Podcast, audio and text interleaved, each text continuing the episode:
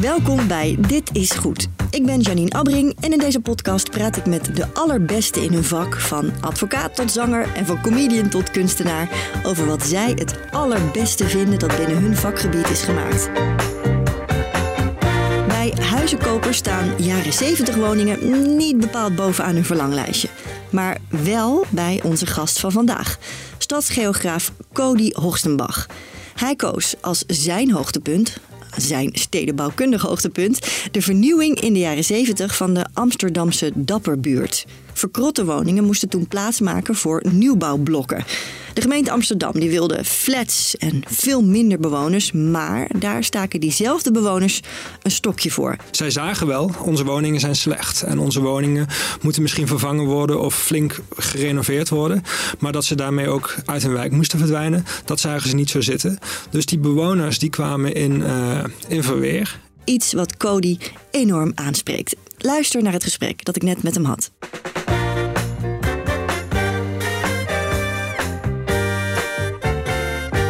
Welkom, Cody. Dankjewel. Leuk, leuk dat je er bent. Um, deze podcast beginnen we altijd met een paar punten die jou min of meer uh, samenvatten. Je bent een uh, man met uitgesproken ideeën over hoe wij de wooncrisis in Nederland kunnen oplossen. Um, de oplossingen die we misschien vandaag her en der zo door deze podcast heen ook nog wel te horen krijgen. Want jouw keuze van dit is goed uh, heeft alles te maken met die oplossingen. Je publiceert hierover als wetenschapper aan de UvA, ik zei het net. Uh, maar je mengt je ook heel actief in het publiek debat, op televisie, in kranten, columns, mm -hmm. Twitter. Je bent heel erg actief op Twitter. Je bracht begin dit jaar het boek Uitgewoond uit. Een heel uh, toegankelijk geschreven boek waarin je de structurele problemen op de woningmarkt blootlegt. Maar dat niet alleen. Je mengt dit met je persoonlijke verhaal. Een, een verhaal uh, onder andere over je vader, die een tijdje dakloos uh, is mm -hmm. geweest in Maastricht eigenlijk um, zou je jouw pleidooi ook wel kunnen samenvatten met het feit dat wonen nu een beetje als luxe wordt gezien, terwijl het eigenlijk gewoon een eerste levensbehoefte en dus een mensenrecht is. Dat is feitelijk natuurlijk wat je, wat je, wat je ook vaak zegt. Ja, het, is, het gaat om het recht op een thuis. Ja. Uh, zo beschrijf ik het. Uh, en niet alleen een dak boven je hoofd, maar het recht op een betaalbare woning, een prettige woning, een veilige woning, een geschikte woning op een goede plek waar je alles in de buurt vindt. Daar gaat het uiteindelijk om. En dat is de kern. En die kern staat uh, immens onder druk voor steeds meer mensen in Nederland. En uh, dakloosheid is een heel duidelijk voorbeeld natuurlijk. En het is wat mij betreft een grove schande dat we in Nederland uh, pak een beetje 100.000 dak- en thuisloze mensen kennen. Dat, dat is onvoorstelbaar eigenlijk. Ja, dat is heel goed. Dan hebben we al meteen een van jouw heel heldere stokpaardjes te pakken. Je bent geboren in 1989. Dat is natuurlijk ja, de, de millennial generatie die het over het algemeen op dit moment zo moeilijk heeft op de woningmarkt. Hoe moeilijk heb jij het op dit moment? Nou ja, kijk, ik ben niet dakloos, dus het valt wat mij betreft nog wel mee. Uh, maar ik huur een woning. En ik huur een woning van een woningcorporatie in Amsterdam-Oost in de Transvaalbuurt. En dat is op zich wel een mooie, prettige woning. Uh, maar ik ben wel een aanzienlijk deel van mijn inkomen iedere maand kwijt aan de huur. En ja. ik zou graag een uh, wat goedkopere woning vinden. Want hoeveel huur betaal je? Ik betaal nu een kleine 1100 euro per maand. Ja. en dat is naar Amsterdamse maatstaven in Amsterdam-Oost redelijk. Want de belegger om de hoek die vraagt 1500 of 1600 euro voor dezelfde woning. Ik wil zeggen, je vrienden zullen zeggen dat is goedkoop. Ja, maar ik zeg altijd, het is een 100 jaar oude arbeiderswoning. Gebouwd ooit door een uh, socialistische woningbouwvereniging, Eigen Haard. Die woning is al lang en breed afbetaald, 100 jaar oud. Hij is al een keer gerenoveerd, maar met gipsplaatjes en met, uh, met een bruinzeelkeukentje. Mm -hmm. nou, dat in ogenschouw nemen, dan vind ik 1100 euro eigenlijk een, een immens bedrag. En mijn generatiegenoten, mijn vrienden, die vinden het een, uh, een goede deal. Maar praat, uh, praat met iemand van een jaar of 50, 60 oud, die vindt het uh, een immens bedrag. Ja, we die, zijn, zijn, die zijn realistischere prijzen gewend. Ja, we zijn onze realiteitszin een beetje kwijt natuurlijk in dat opzicht. Ja, zeker. Het is het uh, compleet normaliseren van duur wonen. Uh, het idee dat een betaalbare huur normaal is en goed is, dat idee lijken we kwijt te, kwijt te zijn geraakt in Nederland de afgelopen decennia, kun je wel zeggen. Het is niet iets wat de afgelopen jaren heeft plaatsgevonden. Afgelopen jaren is het steeds duidelijker geworden. Maar het is eigenlijk, en dat laat ik ook in mijn boek zien, een proces van de afgelopen 30 jaar dat dit uh, langzaam maar zeker is, uh, is gebeurd. Ja, en ook dat we er niet per ongeluk zijn ingerold zoals de politiek ons nog wel eens doen wil geloven. Maar dat dat ook ja, eigenlijk een heel erg duidelijk gevolg is van een, een doelbewust beleid. Um, laten we naar jouw keuze gaan, want we hebben jou gevraagd. Um, de podcast heet Dit is goed naar iets wat jij echt iets heel goeds vindt binnen jouw vakgebied. Nou ben jij stadsgeograaf, je bent geen architect, dus je hebt niet gekozen voor een gebouw, maar voor een wijk. Ehm, of eigenlijk specifiek een vernieuwing van een wijk. Vertel. Zeker, ja. Ja, eh, disclaimer is dat ik als wetenschapper over het algemeen beter ben in het bekritiseren dan in het ehm, Bejubelen? bejubelen van eh, bepaalde projecten. Ik ben een groot fan van de volkshuisvesting. Dus ik ben een groot fan van het ideaal dat we met z'n allen betaalbare woningen bouwen voor mensen met een laag inkomen, maar ook voor mensen met een middeninkomen. En dat je daarmee aangename, betaalbare en prettige wijken creëert waar mensen hun, eh, een stabiele basis hebben om hun leven vorm te geven. Ja. En met volkshuisvesting bedoel je sociale huurwoningen? Ja, dat is wel de praktische uitwerking inderdaad. Dus um, 100 jaar geleden kwamen er heel veel woningbouwverenigingen op, woningcorporaties inmiddels, die betaalbare woningen gingen bouwen en verhuren aan allerlei mensen. Dus niet alleen lage inkomens, maar dus ook heel uh, expliciet die middengroepen, die konden ook terecht in een sociale huurwoning.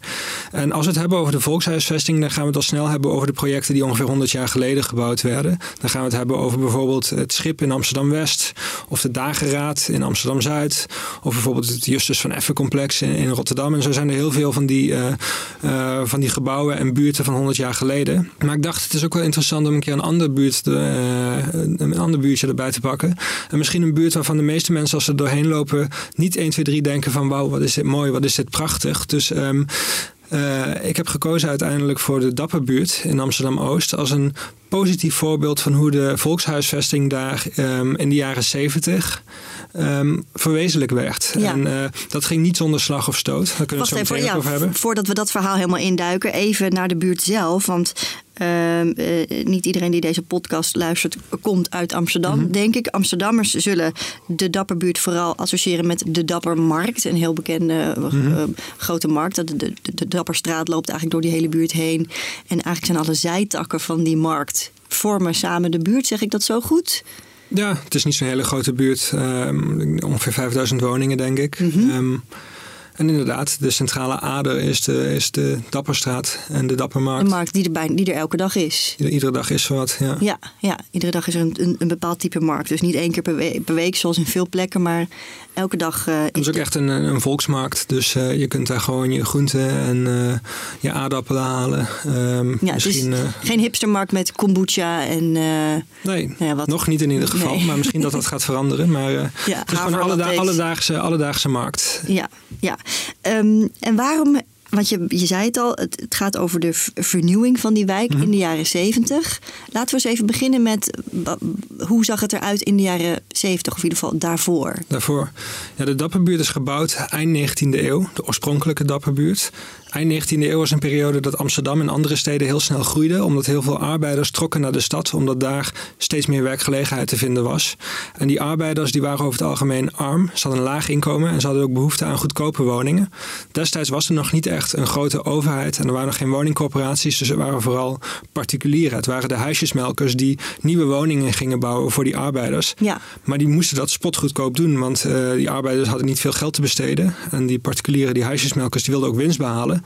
Dus er werden hele goedkope woningen en hele goedkope wijken uit de grond gestampt, waaronder de Dapperbuurt, eind 19e eeuw. En um, die, de, de kwaliteit van wonen in die wijken liet echt heel erg uh, te wensen over. Het was een hele slechte woonkwaliteit. Um, en je hebt ook voorbeelden, ook uit de Dapperbuurt, dat woningen die nog tijdens de aanbouw van de woning um, al in elkaar stortten van ellende. Wow. Zo slecht waren ze gebouwd. Um, andere woningen stortten misschien vijf of tien jaar na aanbouw, stortten ze gewoon in. En, en dan lees je ook krantenartikelen terug waarin staat uh, dat ze zeggen van nou, die woningen waren nauwelijks in elkaar gemetseld. Je kunt die bakstenen zo weer gebruiken om een nieuwe woning te bouwen. Dus die woningen waren, die waren, was nauwelijks in geïnvesteerd. Nee, zo'n Hele Lego kwaliteit. Bijna, ja. Ja, het waren, ook, uh, het, het, waren ook krotten, dus een lage woonkwaliteit, kleine woningen, slechte kwaliteit. Uh, mensen hadden geen eigen uh, badkamer bijvoorbeeld. Mensen hadden geen aansluiting op elektriciteit. Um, nou, het was zeker als je er vandaag de dag naar terugkijkt, heel Spartaans leven. En dat was in de Dapperbuurt zo, maar er was ook in heel veel andere 19e eeuwse wijken die je in de grote steden ziet. Uh, was dat eigenlijk hetzelfde verhaal. Ja. Dus er was uh, bijzonder lage kwaliteit wonen. En gedurende de jaren 60, bestond er het idee, we moeten deze wijken gaan saneren. We moeten die wijken gaan uh, vernieuwen. Vernieuwen. En vernieuwen betekende destijds voor de planologen van de gemeente Amsterdam um, slopen van de wijk. En destijds was het heersende ideaal dat van cityvorming werd dat genoemd. De stad Amsterdam moest steeds meer in dienst komen te staan van, van bedrijvigheid, van winkels, van zakelijke dienstverlening. Het moest ook een, uh, een, een stad zijn die klaar was voor de auto. Dus er moest ook ruimte gecreëerd worden voor automobiliteit. Um, en dat betekende dat woonplek steeds meer naar, uh, naar de regio werd uh, verschoven. Mensen verhuisden naar Almere, mensen verhuisden naar uh, Zaanstad, naar Purmerend enzovoorts. Naar de groeikernen rondom de grote steden. Um, dus het idee was, die wijk moet gesloopt worden. En dan gaan we iets compleet anders voor, voor terugbouwen. Dus de gemeente Amsterdam wilde destijds um, de Dapperbuurt compleet slopen. Arbeiderswijk. Uh, ongeveer 5000 woningen moesten gesloopt worden. En daar zouden slechts um, 2300 woningen voor terugkomen. In een soort van uh, modernistisch straatbeeld met um, stroken in het groen gebouwd. Um, ook veel duurdere woningen voor veel minder mensen. Wat dus eigenlijk betekende dat er uh, heel veel mensen moesten verdwijnen. Er was ja. geen plek meer voor de oorspronkelijke bewoners. Nee. Eigenlijk de discussie die je vandaag de dag nog steeds ziet. Um, vorig jaar uh, was er heel veel in het nieuws de Tweebosbuurt in Rotterdam-Zuid. Waar ook een wijkje met sociale huurwoningen werd gesloopt. gesloopt. 600 woningen, waar dan 400 overwegend dure woningen voor terugkomen. Ja. Waarbij ook al die bewoners moesten vertrekken uh, tegen hun zin in veel gevallen. Nou, Ja. dat zie je nu, 2022. Maar dat zag je ook, uh, diezelfde discussie zag je eind jaren 60, begin jaren 70, toen dit in de Dapperbuurt speelde. Het grappige is, als ik uh, als, uh, als vaste luisteraar van deze podcast zou luisteren, zou ik nu op dit moment een beetje achter mijn oren krabben en denken: oké, okay, oké, okay, oké, okay, maar wanneer ga ik nou horen wat Cody goed, goed vindt? Je zei net al van: ik, kritisch zijn vind ik makkelijker mm -hmm. vanuit mijn vakgebied dan iets bejubelen. Um, dus voordat we nu gaan praten over dat traject, die vernieuwing, hoe dat -hmm. ging, want dat is op een bijzondere manier gegaan. Um, kun je mij alvast een voorbeeld geven van wat je echt heel goed en mooi en aansprekend vindt in die Dapperbuurt? Is dat een straat? Is dat een gebouw? Is dat. Nou, ik vind het ideaal heel aansprekend. En die, dat ideaal komt ook wel terug in verschillende gebouwen. Um, wat ik heel mooi vind is het ideaal van het bouwen voor de buurt. Zo zijn we het gaan noemen. Het idee dat de, uh, de, de Dapperbuurt werd inderdaad gesloopt. Maar wat er voor terugkwam waren um, betaalbare woningen. De woningen bleven dezelfde huur behouden als die oude krotten. Maar uh, de bewoners konden allemaal terugkeren en ze kregen een eigen badkamer. Ja. Ze kregen elektriciteit. Ze kregen um, een goed geïsoleerde woning. Um, en, wat ook belangrijk was, ze mochten meedenken met de architecten hoe bijvoorbeeld hun, uh, de inrichting van de woning eruit kwam te zien. En ook hoe de woning in het straatbeeld zou passen. De, de, de bewoners van de Dapperbuurt die wilden heel graag ook dat contact met de straat behouden. Dus ze wilden graag, wilden graag dat de balkonnetjes aan de voorzijde waren. Zodat ze uh, aan de voorzijde vanaf hun balkon een praatje konden maken met de mensen op straat. Um, en nogmaals, allemaal met behoud van dezelfde huur. Dus het was echt bouwen voor de buurt. Het was de dapperbuurt voor de dapperbuurters, werd het ook wel genoemd. En uh, dat ideaal, dus dat je bereid bent om uh, met publiek geld prettige woningen en een prettige wijk ook te bouwen. Um, voor mensen die uh, gebonden zijn aan die wijk. Dat vind ik heel inspirerend. En um, dat gaat breder dan één straat of één, één, één, één, één gebouw. Maar dat komt natuurlijk wel al die, uh, al, al die jaren 70, jaren 80 gebouwen die in de Dapperbuurt te vinden zijn, zijn eigenlijk het fysieke bewijs van dat ideaal. Ja, en dat het kan. Want ergens is daar dus een kentering, een kanteling gekomen. Want wij, ik onderbrak jij net op het moment dat je vertelde. De gemeente Amsterdam die wilde eigenlijk uh, daar uh, die oorspronkelijke bewoners een beetje uit weg bonjouren. Mm -hmm. Ze wilden nou, misschien geen hoogbouw, maar wel flatachtige dingen neerzetten. Uh, en dat was vooral gericht op het ondernemerschap, op de business die daar moest plaatsvinden. En niet zozeer op inderdaad de bewoners. Ja, echt verdunning. En het ideaal was verdunning. ook licht, lucht en ruimte. Dus dat waren ja. stroken die dan in het groen gebouwd moesten worden. Maar ja, dat zou betekenen dat uh, meer dan de helft van de woningen per saldo zou verdwijnen uit ja. die wijk. En toch ziet de Dapperbuurt er anno nu totaal anders uit. En vind jij het een voorbeeld van hoe het eigenlijk zou moeten? Wat, Mhm. mm -hmm. wat is er gebeurd destijds? Wat is er veranderd? Ja, eind jaren 60, 1969, uh, kwam de gemeente Amsterdam met een plan voor de Dapperbuurt. Dat was dus die, uh, uh, die, die groene wijk met veel minder woningen ja. dan er tot dan toe waren. Plan Duif was dat. Plan Duif. Ja, en um, dat vonden veel oude Dapperbuurters vonden dat geen goed plan, want uiteraard, zij moesten verdwijnen. Zij zagen wel, onze woningen zijn slecht en onze woningen moeten misschien vervangen worden of flink gerenoveerd worden.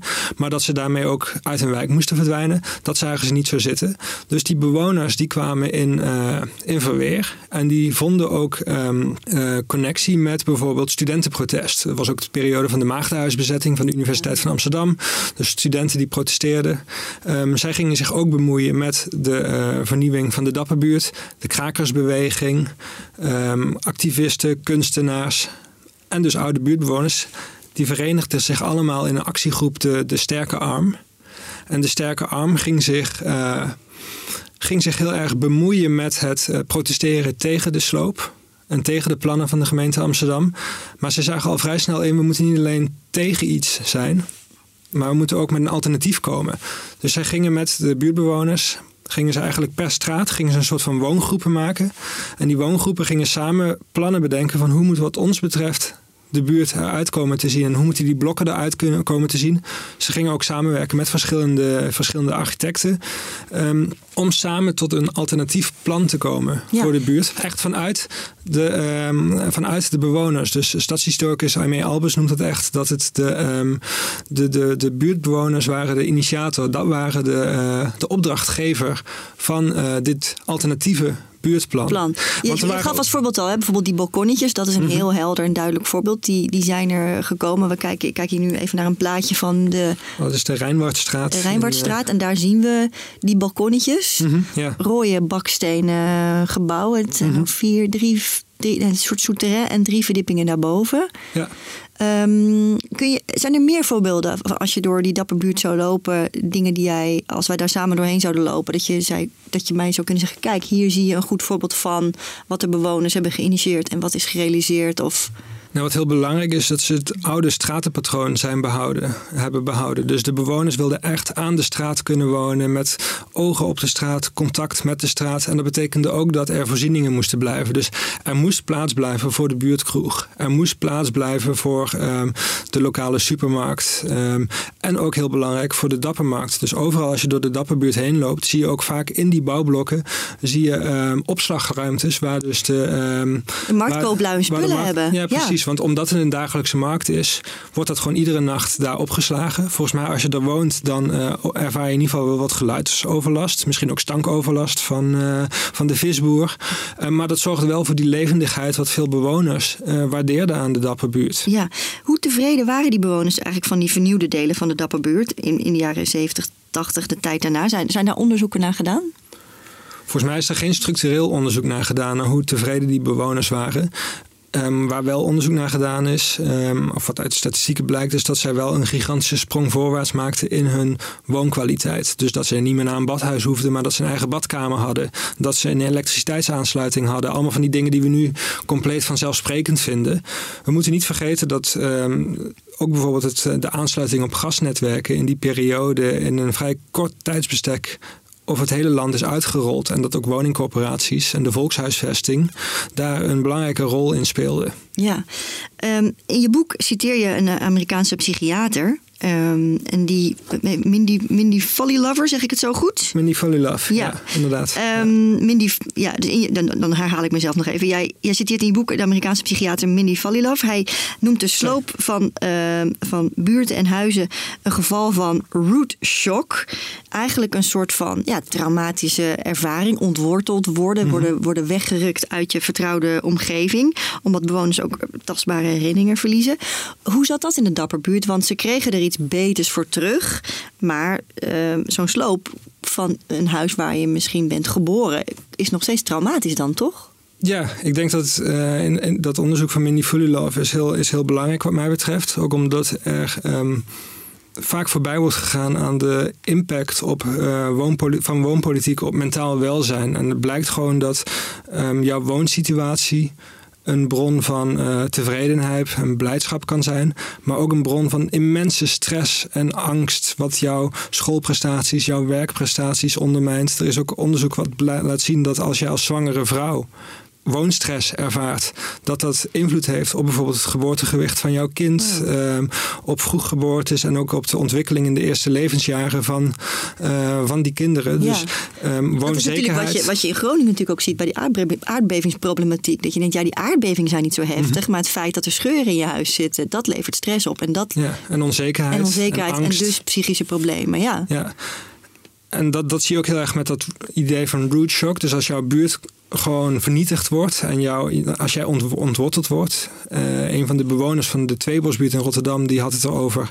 Edwin heet hij. Die zei, er wordt een stukje uit mijn hart gesneden, zei hij. Terwijl hij zag hoe een uh, graafmachine zijn, uh, zijn bouwblok aan het, aan het slopen was. Dat, dat, dat, dat maakt het heel erg tastbaar wat mij betreft. Het is natuurlijk een traumatische gebeurtenis eigenlijk met mentale impact. Ik denk wat heel belangrijk is in de Dapperbuurt. Daar zijn die woningen ook gesloopt. Maar um, wel in een begeleid traject. En die bewoners waren het uiteindelijk over eens van kijk, onze woonsituatie is best wel belabberd hier. Dit zijn ja. slechte woningen. En we mogen terugkeren en we keren terug, maar onze buurvrouw aan de ene kant en de buurman aan de andere kant die keren ook terug. Dus de, de sociale cohesie in de buurt, die blijft behouden. En we maken een gigantische stap voorwaarts in, uh, in woonkwaliteit. Ja. Het zal zeker zo zijn dat de bepaalde bewoners ook een uh, ook een soort van verlies ervoeren van uh, die oude 19e eeuwse woning waar ik uh, mij aan uh, waar ik mij thuis voelde, die verdwijnt. Maar ik denk dat veel bewoners, omdat het niet van bovenaf was opgelegd van dit gaat gebeuren, maar dit zijn onze plannen waar we zelf aan hebben meegedacht en dit gaat het ons opleveren, dat dat een, uh, een, een goede manier is om die traumatische ervaring uh, zo goed als mogelijk te, uit te wissen, ja. om die te beperken. Een goede pleister op die wonden, inderdaad. Als je kijkt naar oplossingen voor de huidige wooncrisis, waar iedereen natuurlijk van op de hoogte is, in hoeverre kan dan die stadsvernieuwing in de jaren 70 in de Dapperbuurt als, als voorbeeld dienen? Ik denk op verschillende manieren. Ik denk dat een van de redenen dat men er destijds in slaagde om een gigantische sprong voorwaarts te maken in woonkwaliteit, maar dat de huren laag bleven, was omdat er publiek geld beschikbaar was. Er waren subsidies beschikbaar om die huren laag te houden. Um, dat is niet, inmiddels niet meer het geval. Inmiddels is er geen subsidie beschikbaar voor volkshuisvesting. En ik denk echt dat um, dat recht op een thuis, dus dat recht op een betaalbare woning, um, dat, dat je daarin moet investeren als overheid. Dus dat je bereid moet zijn om publiek geld te steken in een groter ideaal, zoals betaalbare huisvesting voor mensen met een laag inkomen, maar ook voor mensen met een middeninkomen. Dat is wat mij betreft een, uh, een hele belangrijke les die we onder andere uit de jaren 70 kunnen leren. Ja. Een andere les die we wat mij betreft kunnen leren is dat die volkshuisvesting, die sociale huursector in Nederland, op haar sterkst is wanneer niet alleen een goedkoper alternatief is dan de markt, maar ook echt een beter alternatief is dan de markt. Wat de Dapperbuurt laat zien is dat die sociale huurwoningen die teruggebouwd werden, vele malen beter waren dan wat er daarvoor door huisjesmelkers uh, werd verhuurd. En, en, dat moeten we volgens mij nu, die boodschap moeten we nu echt weer ter harte nemen. Dat die volkshuisvesting niet alleen um, goedkope hokken zijn voor mensen die echt niet anders kunnen. We moeten die volkshuisvesting weer omarmen als een, uh, als een inspirerend ideaal. Als iets wat um, de levens van mensen verbetert. Wat uh, mensen een stabiele basis biedt om zichzelf te ontplooien. Om interessante en creatieve dingen te gaan doen. Om een steentje bij te dragen aan de stad. Op wat voor manier dan ook. Dus echt weer dat ideaal omarmen dat volkshuisvesting uh, niet alleen goedkoop moet zijn, maar mooi en prettig en aangenaam en echt uh, een stap voorwaarts betekent in de levens van mensen, maar ook de samenleving vooruit helpt. En en destijds het niet stond... het afvoerputje moet zijn, inderdaad. Nee, nee. Het tegen, het tegenovergestelde. En destijds stond die woonkwaliteit gigantisch onder druk. Die staat voor veel mensen trouwens nog steeds onder druk. We hebben in Nederland volgens mij een miljoen schimmelwoningen. Uh, dat heeft ook gewoon een hele slechte impact op jouw uh, gezondheid. Zeker ja. als je kind bent. Um, maar ook een ander uh, punt waarop er volgens mij verbetering moet uh, komen is verduurzaming. Volgens mij het, uh, het, het klimaatbestendig maken van onze woningvoorraad is ook een van de manieren waarop je de huidige volkshuisvesting weer kan koppelen aan een nieuw ideaal. Ja, We en moeten lagere, gigantisch. Een lagere woonlast op die manier natuurlijk ook, omdat je energierekening dan weer omlaag gaat. Als we nog even teruggaan naar eh, het, eh, het, het domweg gelukkig zijn in de Dapperbuurt. Mhm. Stel je voor dat die wijk nu op dit moment zou worden eh, gesloopt hè, en er nieuwe huizen voor in de plaats zouden worden gezet. Hoe zou, hoe zou jouw ideale Dapperbuurt er dan anno, nou, laten we zeggen 2030 uitzien? Nou, ik zou sowieso de Dapperbuurt niet, eh, niet slopen. Want volgens mij is het een heel goed functionerende woonwijk. We vinden de architectuur op dit moment misschien niet mooi. Maar ik zie de charme er wel van in. Ik denk ook dat het een eh, heel gemengde buurt is op dit moment. Mensen met verschillende migratieachtergronden, maar ook mensen met verschillende inkomens, opleidingsniveaus, verschillende perspectieven op het leven. Die wonen allemaal gemengd in de Dapperbuurt. Ehm,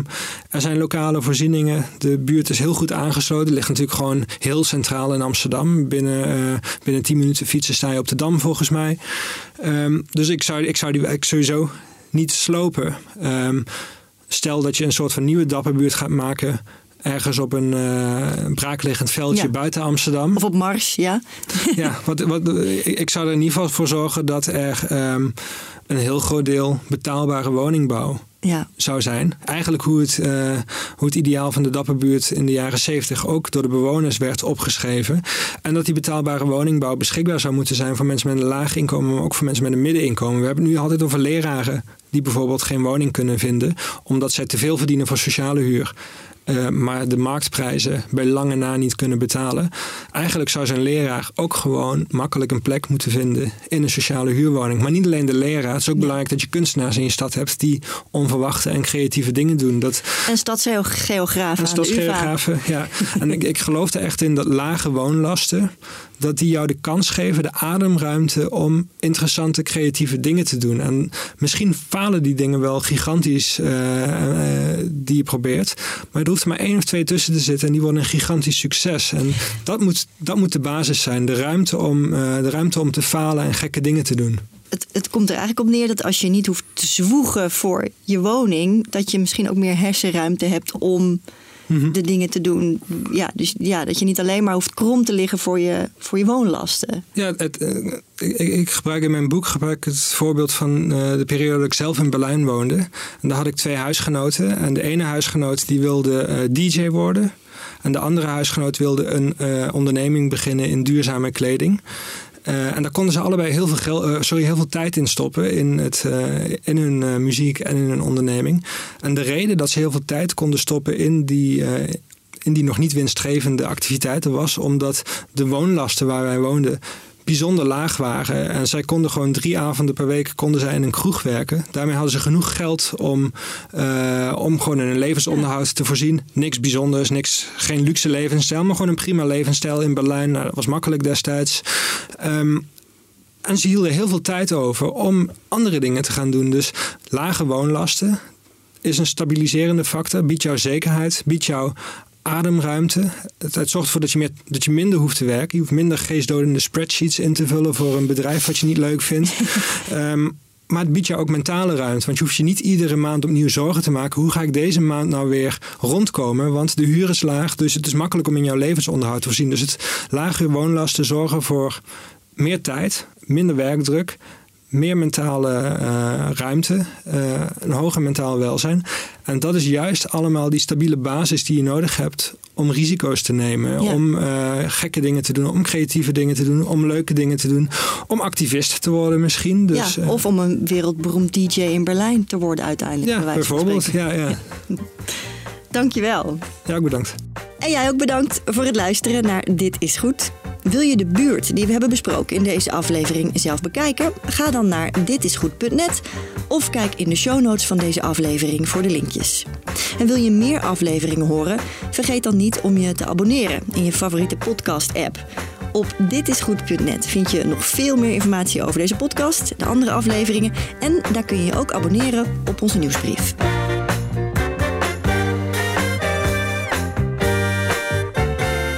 Dit is Goed is een podcast van Byline. Concept, productie en redactie Anton van Elburg en Remco Thomussen. En wil je meer zien? Ga dan naar ditisgoed.net.